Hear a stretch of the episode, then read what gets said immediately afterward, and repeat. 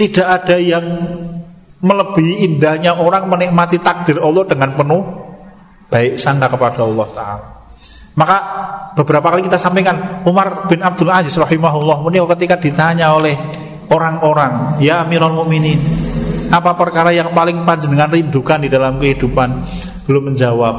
Perkara yang paling aku tunggu-tunggu di dalam kehidupanku adalah menikmati takdirnya Allah. Kenapa? Karena takdirnya Allah itu wujudnya apa? Itu kalau dia orang mukmin, sapaan Allah untuk orang yang dicintai. Wes, terus budi Bapak, Bapak. Jadi Allah misalkan ada seorang mukmin dia berpuasa pagi hari perutnya sakit. Itu kalau dia bersabar Allah akan mengangkat derajatnya. Jadi seakan-akan Allah menyapa orang mukmin dengan cara diberikan sakit. Kue loro yo yo, nek kue loro, kue sabar, tak angkat derajatmu. Dia disapa begitu oleh Tuhannya. Maka kemudian orang mukmin memilih untuk sabar. Abad ling lakoni inggih, maka mari kita mohon kepada Allah berbaik sangka kepada Allah, mohon kepada Allah Subhanahu wa taala sabar. Ma'dzun fi hukmika wa fi qadaika dan semua ketetapanmu itu penuh dengan keadilan. Apa maknanya? Allah tidak pernah berbuat zalim kepada siapa pun. Kalau ada orang masuk neraka karena memang dia pantas masuk neraka, Allah tidak akan mungkin memasukkan ke dalam api neraka orang yang tidak berbuat salah. Orang mungkin. Kalau orang-orang yang selalu berbuat salah diletakkan di surga yang sangat tinggi, sedangkan orang yang mentaati Allah diletakkan di neraka, berarti Allah zalim. Sedangkan Allah tidak mungkin berbuat zalim.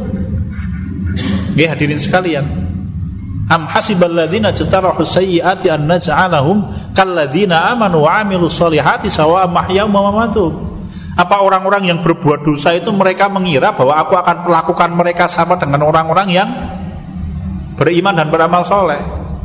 Kalau ada yang mengira itu betapa buruk praduga mereka kepadaku kata Allah Ta'ala. Jadi ibu-ibu bapak-bapak. Bismillahirrahmanirrahim. Assalamualaikum warahmatullahi wabarakatuh.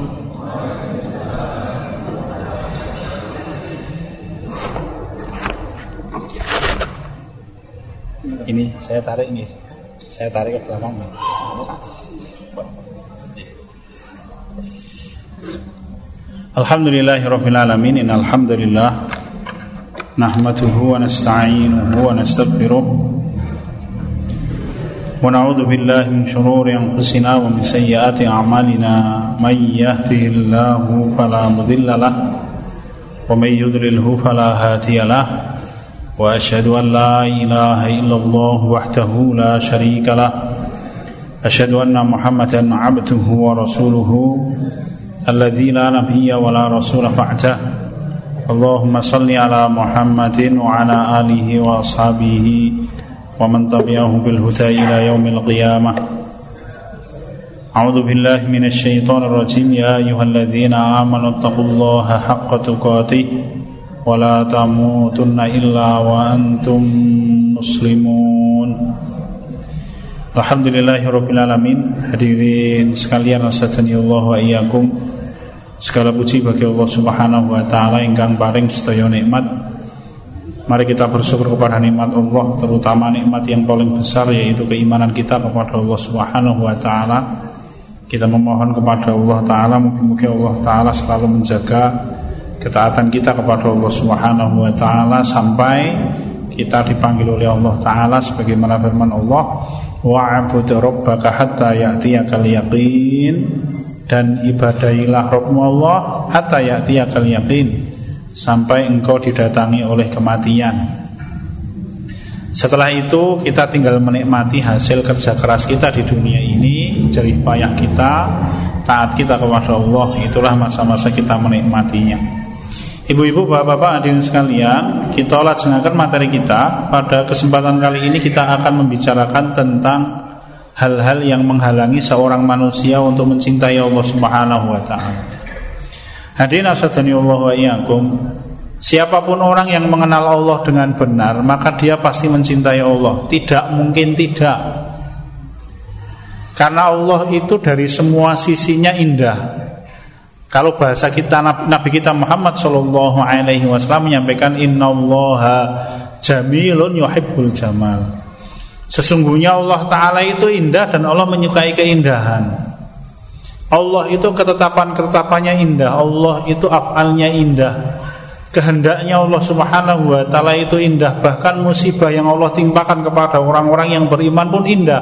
Kenapa? Karena musibah yang menimpa orang-orang yang beriman menghapus kesalahan, tidak main-main, fungsinya besar. Kita berikan contoh musibah kenapa? Karena musibah itu perkara yang paling tidak disukai oleh manusia di dunia ini meskipun wujudnya ming sandal cepot atau bane bocor misalkan. Itu semuanya mendatangkan perkara yang baik bagi orang-orang yang beriman. Ya. Maka Rasul kita menyampaikan layak Allah lil mu'mini qadha'an illa kana khairul lahu dan tidaklah Allah menetapkan satu ketetapan untuk orang yang beriman illa kana khairul lahu kecuali pasti ketetapan Allah itu baik untuk orang-orang yang beriman. Apa pun entah takdir yang baik yang itu akan membuat orang-orang yang beriman bersyukur kepada Allah atau takdir-takdir Allah yang tidak baik yang membuat orang-orang beriman semakin bersabar di dalam mentaati Allah dan semuanya menambah kemuliaan. Apalagi zatnya Allah, J. Apalagi zatnya Allah. Allah Ta'ala menyampaikan A'udhu billahi minasyaitonir rajim Lilladzina ahsanul husna wa ziyadah Wa la yarhaqu wujuhahum qataru wa la dhillah Ulaika ashabul jannati hum fiha khalidun. Lilladzina ahsanul husna wa ziyadah Allah taala ngendika wonten surat Yunus lilladzina ahsanul husna bagi orang-orang yang berbuat kebajikan itu ada kebaikan yang sangat besar. Apa itu? Surganya Allah. Waziyadatun dan tambahan-tambahannya apa? Para penghuni surga nanti akan bisa memandang wajahnya Allah Subhanahu wa taala. Sangat indah. Sehingga Nabi kita Muhammad SAW menyampaikan orang-orang yang beriman yang masuk surga itu ketika melihat wajahnya Allah Ta'ala Maka seluruh nikmat surga itu mereka lupakan saking indahnya Allah Ta'ala. Sebagaimana panjenengan misalkan minum teh agak manis Tiba-tiba panjenengan diberi kemudian jeruk yang sangat manis Itu rasa manisnya teh hilang dari lidah kita. Kenapa? Karena manisnya jeruk yang kita makan Indahnya wajah Allah itu sampai membuat para penghuni surga lupa dengan nikmat surga. Wonten ing riwayat sanesipun Rasul kita menyampaikan bahkan sampai para penghuni surga itu tidak mengedipkan mata mereka. 70 tahun. Indahnya Allah Ta'ala. Zatnya Allah sangat indah. Ketetapan-ketetapannya Allah Ta'ala itu sangat indah. Maka orang-orang yang memahami Allah jatuh cinta Pasti tidak mungkin tidak. Ada yang memang tidak Kemudian Contohnya iblis, ngitannya iblis kan udah menungso. Ada penghalangnya, akan kita bicarakan nanti. Ye. Siapa pun yang mengenal Allah pasti jatuh cinta kepada Allah. Tidak ada yang lebih mendatangkan cinta dari keindahan zatnya Allah. Ya, tidak ada. Kalau kanjeng Nabi kita Muhammad SAW monggo bapak-bapak ibu-ibu panjenengan membaca hadis-hadis Rasul tentang Mi'raj Ketika perlu ditanya oleh para sahabat, apa yang anda lihat ya Rasulullah? Maka Rasul kita menceritakan bahwa beliau melihat cahaya yang sangat indah. Maka jumhur sahabat radhiyallahu anhum kecuali Ummul Mukminin Aisyah radhiyallahu anha meyakini bahwa Rasul kita Muhammad sallallahu alaihi wasallam itu ketika Mi'raj beliau melihat Allah. Memang ini keistimewaannya Nabi Muhammad SAW Nabi Musa itu kepengen melihat Allah tidak diizinkan. Ya, qala rabbi arini anzur ilaika qala lan tarani wa ya Allah izinkan aku untuk melihatmu. Maka langsung dijawab wahai Musa engkau tidak akan bisa melihat aku. Pada waktu Nabi Musa alaihissalam pergi ke Bukit Sinai dipanggil oleh Allah kemudian bertemu dengan Allah selama 30 sampai 40 hari. Diajak bercakap-cakap oleh Allah di balik hijab tetapi Allah Ta'ala tidak mengizinkan Nabi Musa alaihissalam yang berdiri di Bukit Sinai itu untuk melihat Allah. Nabi Muhammad SAW dipanggil oleh Allah untuk bertemu dengan Allah di arsnya sana. Di atasnya langit ketujuh menembus tujuh lapis langit untuk bertemu dengan Allah Subhanahu wa taala dan diizinkan untuk melihat Allah Subhanahu wa taala. Bahasanya Rasul, aku melihat cahaya yang sangat indah, tidak bisa diceritakan. Allah Subhanahu wa taala Tuhan kita hadirin sekalian. Tidak ada yang mendatangkan cinta melebihi ketika orang memahami asmaullah. Misalkan kita menyebut nama Allah Innallaha alimun hakim Sesungguhnya Allah itu maha mengetahui apa itu ahad bikulli syai'in ilma Allah melingkupi segala sesuatu dengan ilmunya Allah. Tidak ada perkara yang ada di dunia ini kecuali pasti Allah tahu dan Maha mengetahui. Maka tidak usah khawatir. Orang-orang yang beriman itu bertemu dengan masalah sesusah apa pun, dia tidak khawatir kenapa? Karena dia percaya Tuhannya Maha mengetahui apa yang dia rasakan dan apa yang dia kehendaki, apa yang dia inginkan. Nabi Musa alaihissalam ini kalau ibu-ibu dikisahkan oleh Allah tentang Al-Quran Pada waktu beliau dikejar oleh Fir'aun di awal-awal beliau lari dari Mesir sebelum menjadi Nabi. Nabi Musa alaihissalam kelelahan, lapar, berjalan dari Makkah, dari Mesir sampai Madian. Ya. Falamma Waroda ma'a madyana wajada alaihi ummatan minan nasi yas'un Diceritakan oleh Allah tentang Al-Quran. Begitu sampai di Madian Nabi Musa itu kok melihat ada sekelompok orang yang sedang memberikan Minuman kepada hewan ternaknya. Wawajada min dunihi mamro'ataini tazudan Kemudian diperhatikan oleh Nabi Musa para penggembala domba yang jumlahnya banyak itu rebutan air. Anehnya di belakang mereka itu ada dua orang anak perempuan Ada dua orang remaja wanita. Remaja perempuan yang menjauhkan diri dan menahan dombanya Agar tidak bercampur dengan dombanya kaum lelaki yang ada di depan mereka. Ini makanya Nabi Musa kuasel ngeleh ngantuk nggak semuanya campur aduk. Nabi Musa mendatangi kepengen membantu. Ya Qala ma qala ma khatbukuma. Nabi Musa bertanya, apa yang terjadi dengan panjenengan berdua kenapa kok tidak membiarkan dombanya bergabung dengan dombanya kaum lelaki itu? Ya. Maka kemudian dua anak perempuan itu menjawab, ayah kami sudah sepuh. Kami menggantikan ayah kami untuk menggembalakan domba fasakolahuma summa tawalla ila dhili. Maka menurut Nabi Musa alaihissalam membantu dua orang wanita ini remaja ini melu seku-sekan membawa domba yang jumlahnya banyak diberi minum. Maka Nabi Musa itu ngelak ngelak ngantuk kesel. Begitu sudah membantu summa tawalla ila dhili Kemudian Nabi Musa alaihissalam mencari tempat untuk duduk menemui satu pohon yang rindang lalu piyambai pun duduk di bawah pohon. Waqala Rabbi lima anzalta ilayya min khairi faqir. Nabi Musa mengalahkan merasakan tadi lelah, ngantuk, kesel, ngeleh, ngelak. Maka beliau berdoa kepada Allah Rabbi inni lima anzalta ilayya min khairin faqir. Wah ini doa yang sangat halus bapak-bapak nggih. Orang-orang mukmin itu menyampaikan begitu. Imam Al-Qurtubi rahimahullah menyampaikan bahwa salah satu rukun Salah satu adabnya dua itu al-umum kata beliau. Wonten tafsir Al-Jamili Ahkamil Quran. Orang berdua itu salah satu adabnya disebut umum J Meskipun detail boleh, Duh Gusti Allah kula betah sepeda motor yang nggih to wirid nek iso ya gratisisan mboten napa-napa gitu. Tapi Allah itu lebih suka kalau ada orang yang berdoa umum. Lalu detailnya dia simpan di dalam hatinya karena Allah tahu, tidak usah khawatir. Nggih. Kenapa begitu? Karena kadang-kala kalau kita detailkan itu justru yang susah kita.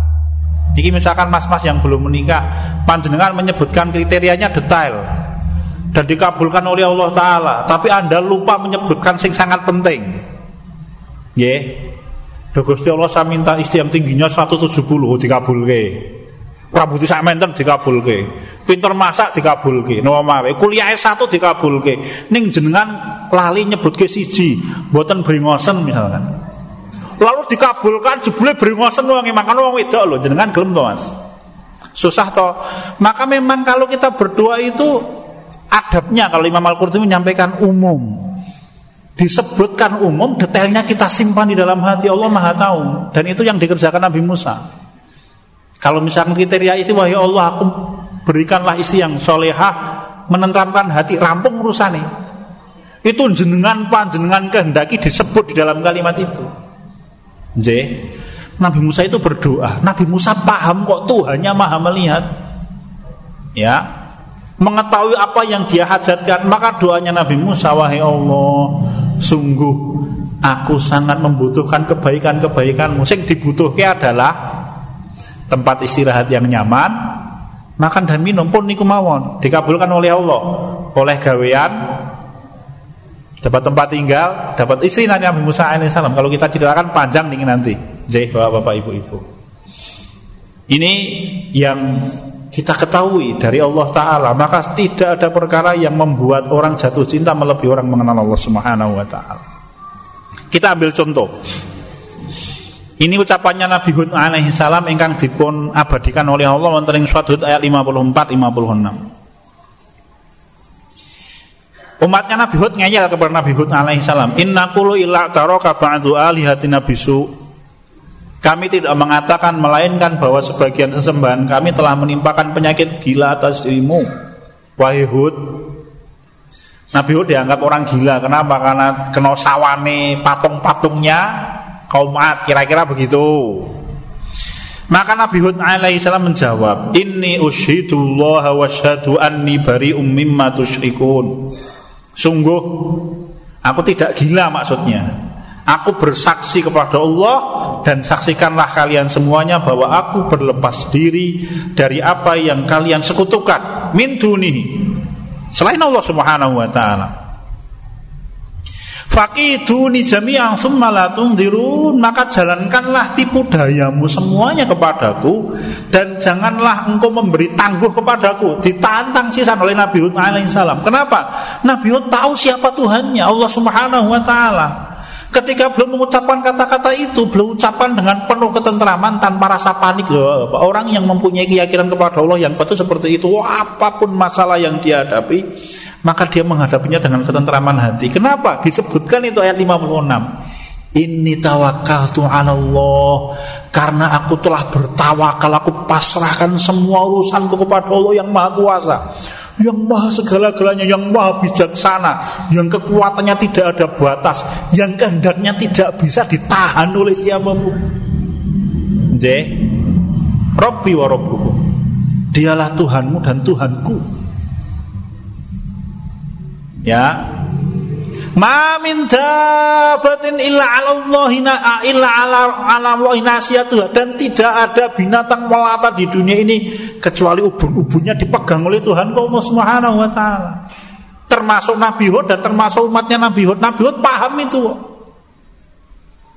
Itu menentramkan hati manusia loh Bapak-bapak. Rasul kita Muhammad SAW salah sawijining dinten bepergian bersama dengan sahabat Ibnu Mas'ud masih muda Ya. Lajeng Nabi Muhammad SAW ngendika, "Ya gulam, inni u'allimuka kalimatin ihfazillah yahfazka ihfazillah tajidhu tujahaka." Salah satu jenis dina Nabi Muhammad naik onta, kemudian Nabi Muhammad buncengke sahabat Ibnu Mas'ud. Ini akhlak Bapak-bapak. Nggih. Nabi Muhammad SAW itu kalau bepergian, kalau dijemput oleh sahabatnya mesti beliau yang buncengke. Tentu kalau bapak-bapak panjangan di rumah punya sopir pribadi jenengan sing boncengke sopir nek Nabi Muhammad ngoten. Lha ngopo gunane sopir pribadi Mas? Nggih mboten napa-napa Nabi Muhammad begitu. Nggih. Lu bepergian ke mana-mana itu pasti boncengke. Ya nanti kalau kita banyak hadis, banyak sahabat yang pernah diboncengke Rasul. Ya. Ini nek saya berusaha seperti itu ha Bapak nggih. Nek yo raketang yo sosok angel nggih. Karena kan, kan ya memang sosok kesel nih. Tapi alhamdulillah gue berusaha untuk boncengke wong. Disebut pakai motor itu kalau boncengke kenapa? Pernah punya pengalaman Pak, kalau ngisi pengajian ten Wonosari mriko Bali mulai diboncengke numpak motor niku mabuk kula niku. Aneh to numpak motor yang buri mabuk to guys. Yeah. Maka teman-teman saya itu biasanya tahu kalau saya bepergian naik motor saya yang boncengke wong Biasanya, Pak. Nah, Rasul kita ketika bonceng ke sahabat Ibnu Mas'ud kemudian belum menyampaikan wahai anak muda aku ajarkan kalimat-kalimat yang sangat indah. Satu ihfadillah yahfadzuka jagalah perintah Allah maka Allah pasti menjagamu. Menenteramkan hati loh. Ihfazillah tajidhu tujahaka. Jagalah dirimu dari larangan Allah, maka engkau akan mendapatkan Tuhanmu Allah itu setiap saat ada di hadapanmu. Orang itu mak jegeget buatan lu Tapi itu isyarat bahwa Allah sangat dekat dengan hambanya yang menjaga diri dari perbuatan yang diharamkan oleh Allah. Yang ketiga, fa'lam lawi ijtama'atil ummatu ala ayyadurruka lam yadurruka illa bisyai'in qad katabahu Ketahuilah kalau seluruh manusia di dunia ini berkumpul. Ya. Fa'lam lawi jitama'atil ummatu ala ayyan fa'uka mohon maaf. Lam yanfa'uka illa bisyai'in qad katabahu Allah wa lawi jitama'atil ummatu ala ayyaduruka lam yaduruka illa bisyai'in qad katabahu Allah kalau seluruh manusia di dunia itu berkumpul untuk mendatangkan satu manfaat sekecil apa pun untukmu maka mereka semuanya tidak akan bisa mendatangkan manfaat kecuali Allah yang telah menetapkan untuk tentermati nih.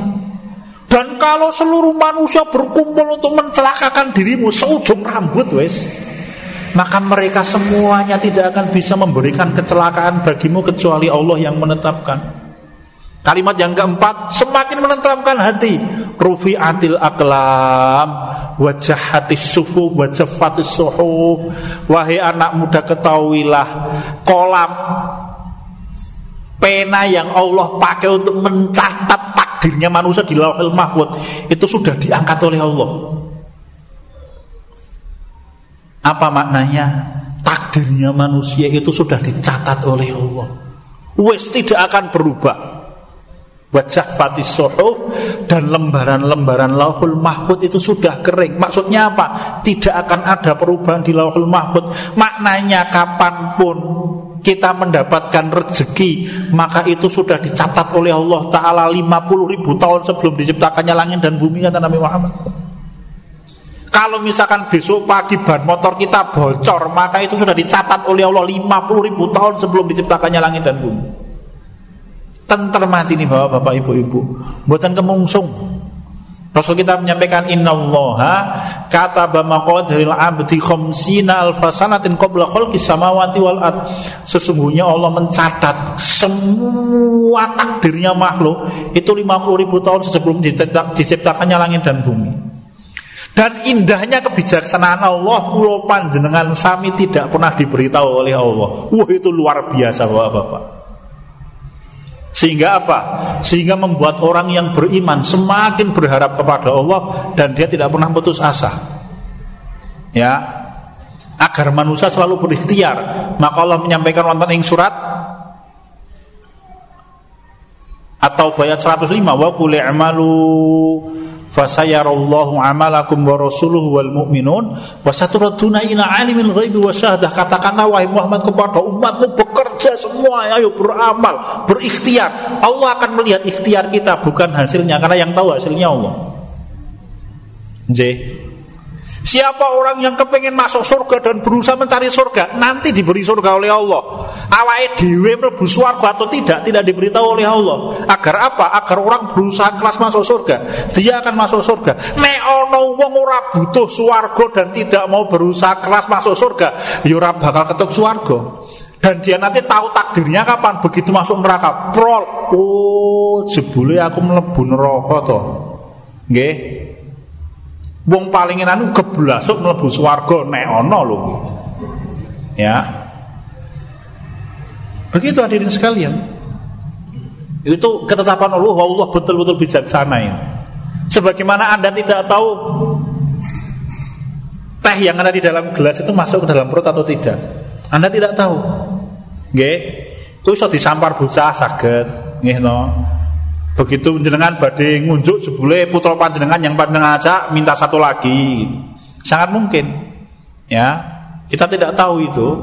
Kita baru tahu kapan setelah kita mengangkat gelas ngeten iki, kemudian tutupi dibuka, kemudian maca bismillahirrahmanirrahim, kemudian tunjuk. Oh, baru tahu masuk ke dalam mulut, masuk ke dalam perut. Agar apa? Agar orang berikhtiar seperti itu. Panjenengan nanti malam masuk bisa kiamulail atau tidak? Kita belum tahu, kita belum melaksanakan kiamulail kok. Ming nek jenengan masang jam waker, oh jam waker mboten model sakniki nggih. Alarm HP mati ping 5 ngeto setengah siji disetel. Jam siji setel, setengah loro disetel, jam loro disetel, jam setengah telu disetel, ora cukup jam telu disetel, setengah papat. Oh, berarti ping pitu kemungkinan besar dengan bangun. Apa meneh ora lelekan? Ya apalagi tidurnya sambil membaca doa pakai wudhu kemudian HP-nya diletakkan jarak satu meter dari kepala kita. Jangan diletakkan di sini ya bapak, bapak ibu, kaget dengan engkau kemungkinan besar panjenengan tidurnya bisa bangun nanti. Ya tapi kalau misalkan tidurnya jam setengah siji gitu bapak bapak. Kemudian langsung bleksek apa menenu kemulan tiga lapis. Kemungkinan besar tidak akan bangun dia mulai Ya, fausikum wa ya nafsu Allah. Semua ketetapan Allah taala pun kok indah. Contoh yang lain lagi. Niki hadis hadis punika hadis sahih. Ada yang mengatakan hadis hasan nggih. Tapi ini doa ini disunahkan. Hadis hadis ini hadis sahih. Ya. Rasul kita Muhammad SAW menyampaikan Monggo bapak-bapak ibu-ibu dihafal ke dungane saya. Ma asoba abdan qattun hamun wala hazanun tidaklah ada seorang hamba yang tertimpa kekhawatiran atau kesedihan. Benten ibu apa bapak ibu ibu Hamun itu rasa takut akan sesuatu yang belum terjadi Wong kone aku ngene gegek ngene ya, kone aku ngene gegek ngene ya, itu hamun. Dan itu bisa menghalangi orang untuk mentaati Allah. Sedangkan huzunun atau hazanun itu rasa tidak nyaman, kesedihan itu perasaan tidak nyaman di dalam hati atas peristiwa yang sudah terjadi. Itu huznun atau hazanun. Nabi kita Muhammad SAW ngendiko tidaklah ada seorang hamba tertimpa kekhawatiran atau kesedihan kemudian dia berdoa. Doanya agak panjang. Menaik panjenengan buat napal silahkan ditulis lalu dibaca ketika panjenengan sedih. Rasul kita mengatakan doanya adalah Allahumma inni abduka ibnu abdika ibnu ammatika nasiyati biyadika ma'adun fi hukmika adlun fi qadhaika. Kenapa ini tulisannya ada yang tidak tepat.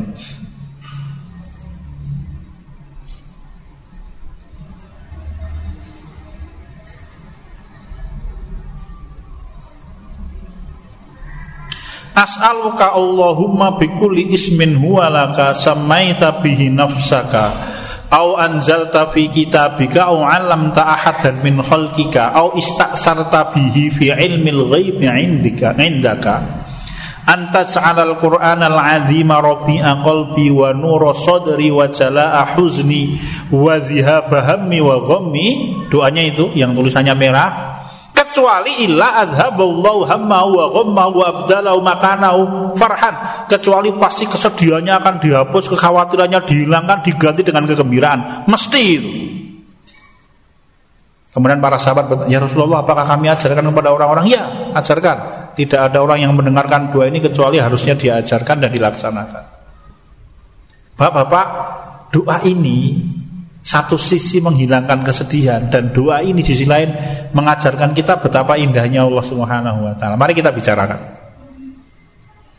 Satu, doanya itu adalah Allahumma inni abduka wa ibnu abdika wa ibnu ammatika wahai Allah sungguh aku ini adalah hambamu budak nggih jadi kita ini bukan sahabatnya Allah Kata seorang dosen yang bikin heboh kemarin Kita ini budaknya Allah Kita ini hambanya Allah. Bagi kita kehormatan yang sangat besar Ketika ada seorang hamba Bisa berkorban untuk Tuhannya yang maha kaya. Jadi kalau panjenengan duit-duit Kita ini fakir bapak-bapak Harta kita itu titipannya Allah. Lah kok kita bisa infak, infak untuk Tuhan Kita yang maha kaya? Jempol. Jempol papat raming loro bapak-bapak Justru orang-orang yang beriman itu dia merasa nyaman. Kenapa? Dia dia itu hambanya Allah.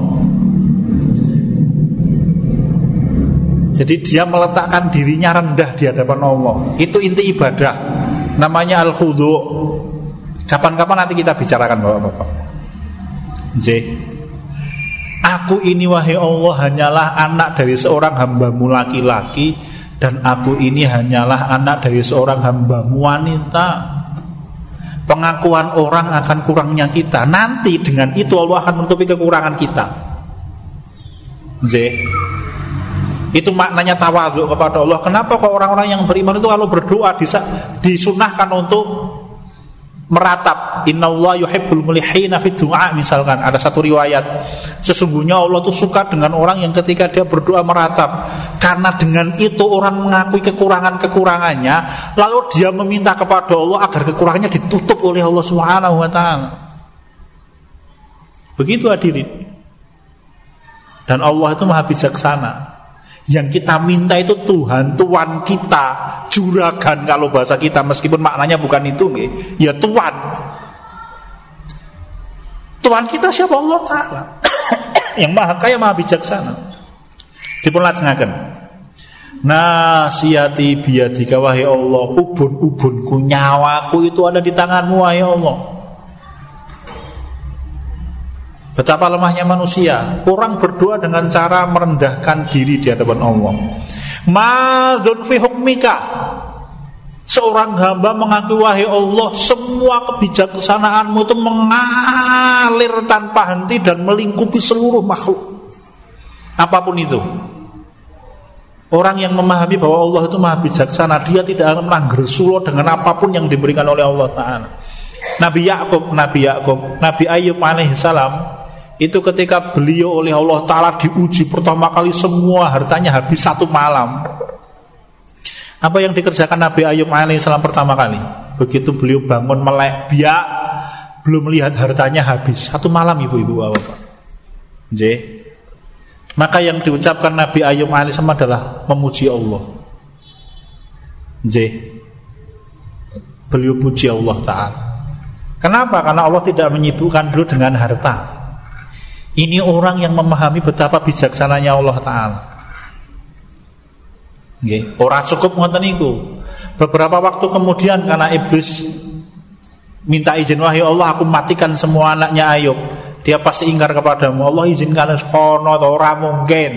Karena Allah maha mengatakan Betul loh Bapak Satu malam begitu Nabi Ayub bangun biak melek mata, oh, matanya maka Nabi Ayub melihat seluruh keluarga yang sudah meninggal, tinggal dua orang istrinya. Beliau bersama dengan dua orang yang lain sentek kabeh meninggal satu malam. Entah apa tidak disebutkan di dalam Quran. Dan apa yang dikerjakan Nabi Ayub pertama kali belum memuji Allah segala puji bagi Allah Taala. Kenapa? Beliau sejak saat itu tidak disibukkan dengan urusan keluarga oleh Allah Taala. Nanti dikembalikan semuanya oleh Allah. Wa mislahu ma'ahu dan dua kali lipat Allah menyampaikan wonten Al-Qur'an. Ya. Nabi Ayub paham itu Allah tidak akan mengecewakan hambanya apa pun putusan Allah Taala selama dia mentaati Allah Subhanahu Wa Taala ibu-ibu bapak-bapak. Orang yang memahami ini tentram betul hidupnya. Tentram. Tidak ada yang melebihi indahnya orang menikmati takdir Allah dengan penuh baik sangka kepada Allah taala. Maka beberapa kali kita sampaikan Umar bin Abdul Aziz rahimahullah beliau ketika ditanya oleh orang-orang, "Ya Amirul Mukminin, apa perkara yang paling panjenengan rindukan di dalam kehidupan?" Belum menjawab. Perkara yang paling aku tunggu-tunggu di dalam kehidupanku adalah menikmati takdirnya Allah. Kenapa? Karena takdirnya Allah itu wujudnya apa? Itu kalau dia orang mukmin, sapaan Allah untuk orang yang dicintai. Wes, terus budi Pak, Bapak. Jadi Allah misalkan ada seorang mukmin dia berpuasa pagi hari perutnya sakit. Itu kalau dia bersabar Allah akan mengangkat derajatnya. Jadi seakan-akan Allah menyapa orang mukmin dengan cara diberikan sakit. Kue loro yo nek kue loro, kue sabar, tak angkat derajatmu. Dia disapa begitu oleh Tuhannya. Maka kemudian orang mukmin memilih untuk sabar. Abot ling lakoni inggih, maka mari kita mohon kepada Allah berbaik sangka kepada Allah, mohon kepada Allah Subhanahu wa taala sabar.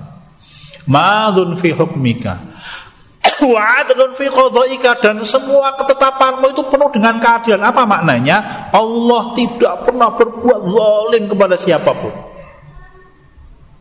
Kalau ada orang masuk neraka karena memang dia pantas masuk neraka, Allah tidak akan mungkin memasukkan ke dalam api neraka orang yang tidak berbuat salah. Orang mungkin. Kalau orang-orang yang selalu berbuat salah diletakkan di surga yang sangat tinggi, sedangkan orang yang mentaati Allah diletakkan di neraka, berarti Allah zalim. Sedangkan Allah tidak mungkin berbuat zalim. Nggih hadirin sekalian. Am hasibal ladzina jatarahu sayyiati an naj'alahum kalladzina amanu wa 'amilus solihati sawa'an mahyahum wa. Apa orang-orang yang berbuat dosa itu mereka mengira bahwa aku akan melakukan mereka sama dengan orang-orang yang beriman dan beramal soleh. Kalau ada yang mengira itu betapa buruk praduga mereka kepadaku kata Allah Taala. Jadi ibu-ibu bapak-bapak.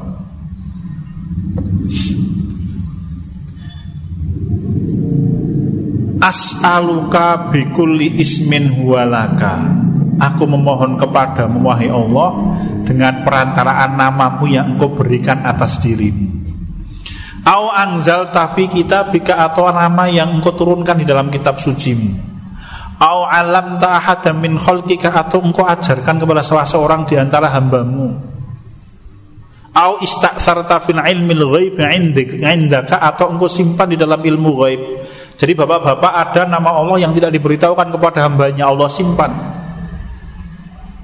Ya, tidak ada manusia yang tahu. Ada. Apa itu? Ya Allah yang tahu. Sebagai bukti betapa kuasanya Allah Subhanahu wa taala.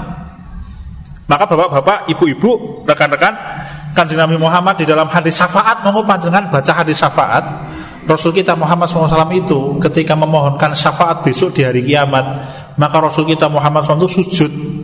Belum menyampaikan kemudian aku memuji Allah dengan pujian yang belum pernah dikerjakan. Dan diajarkan oleh Allah kepadanya waktu itu. Kepada beliau waktu itu. Jadi beliau memuji Allah dengan pujian yang paling indah yang belum pernah diucapkan oleh orang di dalam kehidupan dunia mereka siapa pun. Siapa yang mengajari Allah Ta'ala waktu itu? Jadi Rasul kita ketika memohonkan sawal sujud di hadapan Allah lama dengan memuji Allah Ta'ala Ya hadirin, Allah itu indah. Kalau panjenengan mengenal nama-nama Allah itu kulo piyambak Bapak-bapak, saya termasuk orang yang paling nyaman itu kalau membahas tauhid asma wa sifat. Bagi sebagian orang katanya tauhid asma wa sifat itu tauhid yang membosankan, boten. Kalau saya merasakan kenapa? Karena kita ini penasaran Tuhan kita itu seperti apa ya kita kenal di dalam tauhid asma wa sifat. Anda akan tahu kuasanya, Anda akan tahu tingginya Allah, Anda akan tahu indahnya Allah, Anda akan tahu apalagi lah bijaksana Allah. Wonten ing tauhid asma wa sifat itu. Ya, Allah itu misalkan Al-Ali. Allah itu maha tinggi. Apa yang tinggi? Satu zatnya Allah. Kenapa Allah itu istiwa di atas arsnya Allah sana? Di atas langit ketujuh sana. J. Nah, dia tahu dengan kita. Ahata bikuli syai'in ilma melingkupinya dengan ilmunya Allah. Allah Ta'ala yang kedua itu uluhu amruhu. Urusannya Allah itu tinggi. Jadi tidak ada perkara remeh di dunia ini bagi Allah Ta'ala buat nonton. Kalau Allah menciptakan debu Itu pasti manfaatnya besar. Kita yang tidak tahu manfaatnya apa? J. Tapi urusannya besar. Begitu hadirin sekalian Allah. Allah Ta'ala Tuhan kita yang kita ibadahi. Satu nama Al-Ali. G Allahumma ja'al Qur'an al-azima Robi'a qalbi Wahai Allah jadikanlah Al-Quran yang aku sebagai pendatang kegembiraan hatiku ya. Wa dhihaba wa jala'a dan penghilang kesedihanku, hilangnya kekhawatiran dan kepedihanku.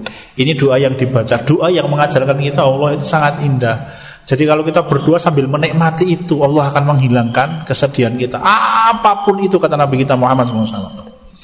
Jam 8 ibu-ibu bapak-bapak pembicaraan kita ini masih prolog.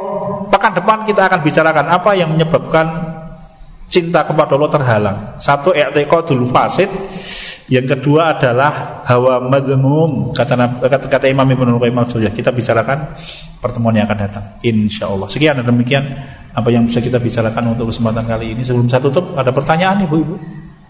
Jam 8 45 menit pembicaraan kita. Wonten lambutan perso dari materi kita atau dari yang lain monggo. Tidak mesti materi kita mboten ngomong. Kalau saya bisa jawab saya jawab. Kalau saya tidak bisa jawab saya jawab tidak tahu. Monggo Bapak-bapak Ibu-ibu. Sekap Nggih, punika yang saged kula aturaken mugi-mugi Allah taala memberikan kita kebaikan dunia dan memberikan kita kebaikan akhirat. Kita tutup dengan doa kafaratul majelis subhanakallah wa bihamdika asyhadu an la ilaha illa anta astaghfiruka wa atubu ilaik. Walhamdulillahirabbil alamin wassalamualaikum warahmatullahi wabarakatuh.